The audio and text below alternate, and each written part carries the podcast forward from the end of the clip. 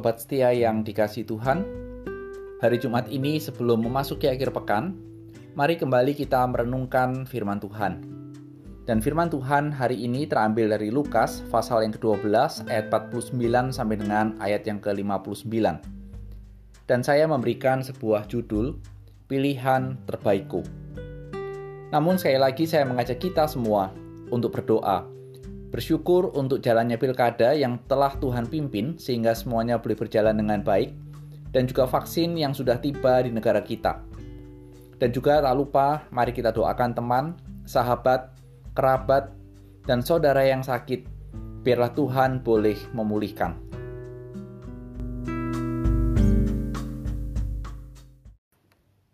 Lukas 12 ayat 49 sampai dengan 59. Aku datang untuk melemparkan api ke bumi, dan betapakah aku harapkan api itu telah menyala.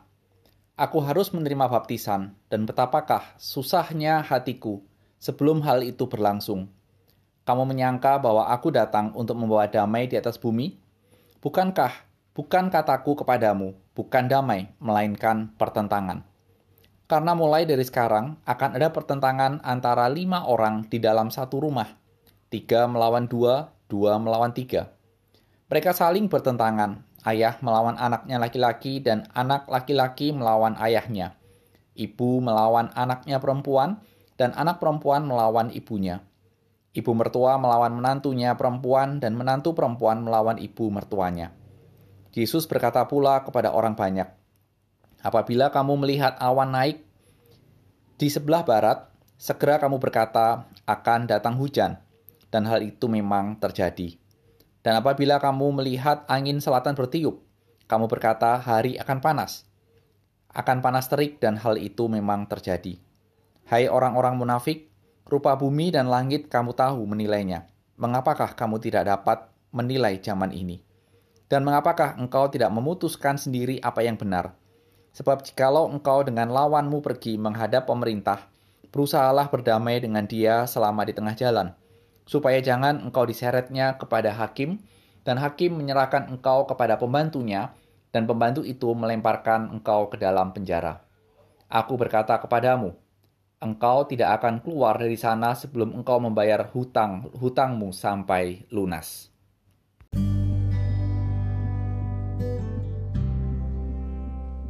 Mari kita berdoa. Tuhan Yesus melalui firman-Mu biarlah engkau meneguhkan tekad kami untuk mengikut engkau. Demi Tuhan Yesus, amin.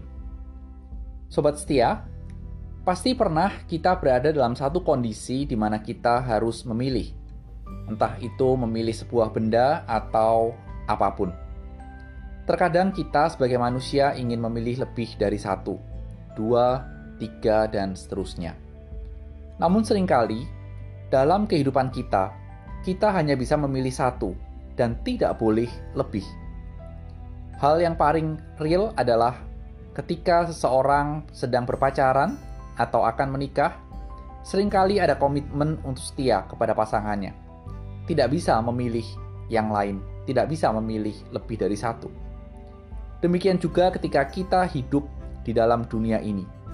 Ketika kita memutuskan untuk menerima Tuhan Yesus sebagai Tuhan dan Juru Selamat kita, maka kita menjadi pengikutnya dan tidak bisa menjadi pengikut yang lain. Dan Tuhan menuntut kita untuk setia kepadanya. Inilah yang bisa kita simpulkan dari ayat 49 sampai dengan ayat yang ke-53. Bahwa kedatangan Tuhan Yesus ke dalam dunia menuntut kesetiaan daripada dari pengikutnya. Sehingga hal itu sering kali bisa menimbulkan pertengkaran atau perpecahan dalam keluarga sekalipun. Sobat setia yang dikasih Tuhan, ketika merenungkan bagian ini, saya teringat beberapa cerita yang terjadi ketika konflik di Ambon kita tahu beberapa waktu yang lalu.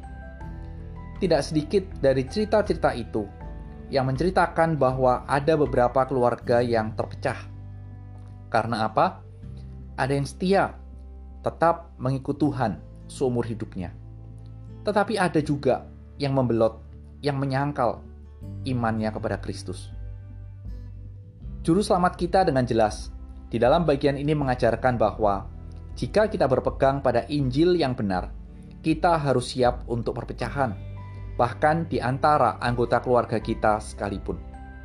Seperti yang dituliskan oleh J.C. Rail, bukan Injil yang harus disalahkan, karena mengakibatkan perpecahan seperti itu, tetapi hati manusia yang rusak. Itulah yang harus menjadi satu hal perhatian kita.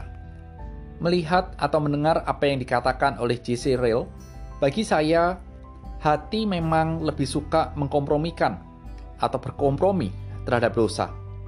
Sehingga kita bisa melihat benar-benar ada satu hal, kalau bisa dikompromikan, kenapa tidak? Itulah realita dalam dunia berdosa. Tapi kita harus berdiri bersama Tuhan kita. Ingat bahwa tidak ada yang boleh menggantikan pilihan kita kepada Tuhan Meskipun suatu saat nanti hidup kita benar-benar susah, benar-benar jauh lebih susah daripada saat ini, dan orang menawarkan bantuan, pertolongan, asal kita meninggalkan iman kita. Kita tahu pilihan terbaik adalah mengikut Tuhan. Dan selanjutnya Lukas menceritakan bahwa Tuhan Yesus juga menegur orang-orang yang pada saat itu bisa membaca cuaca. Jelas sekali di Israel, bila awan datang dari barat, artinya Laut Mediterania, ini berarti akan turun hujan. Dan bila angin selatan yang datang, artinya dari daerah Gurun Sinai, berarti hari itu akan panas. Orang-orang pada saat itu tahu bagaimana mereka bisa melihat cuaca. Apakah hari ini akan panas atau hujan?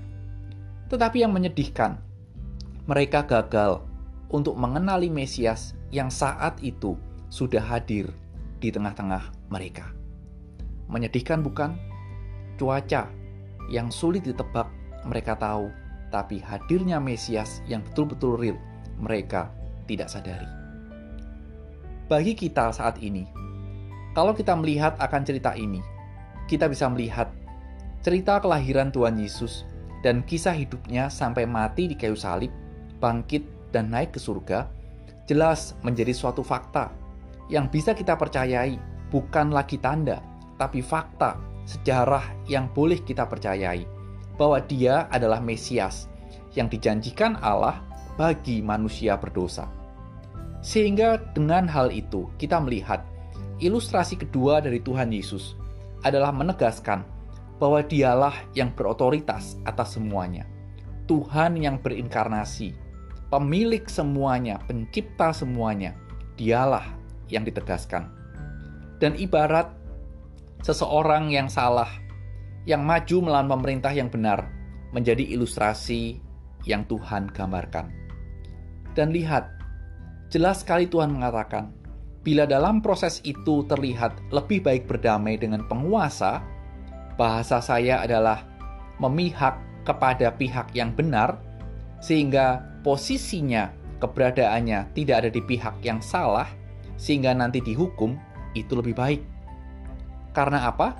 Karena kalau sampai sudah dihukum, tidak akan keluar dari penjara sampai hutangnya lunas.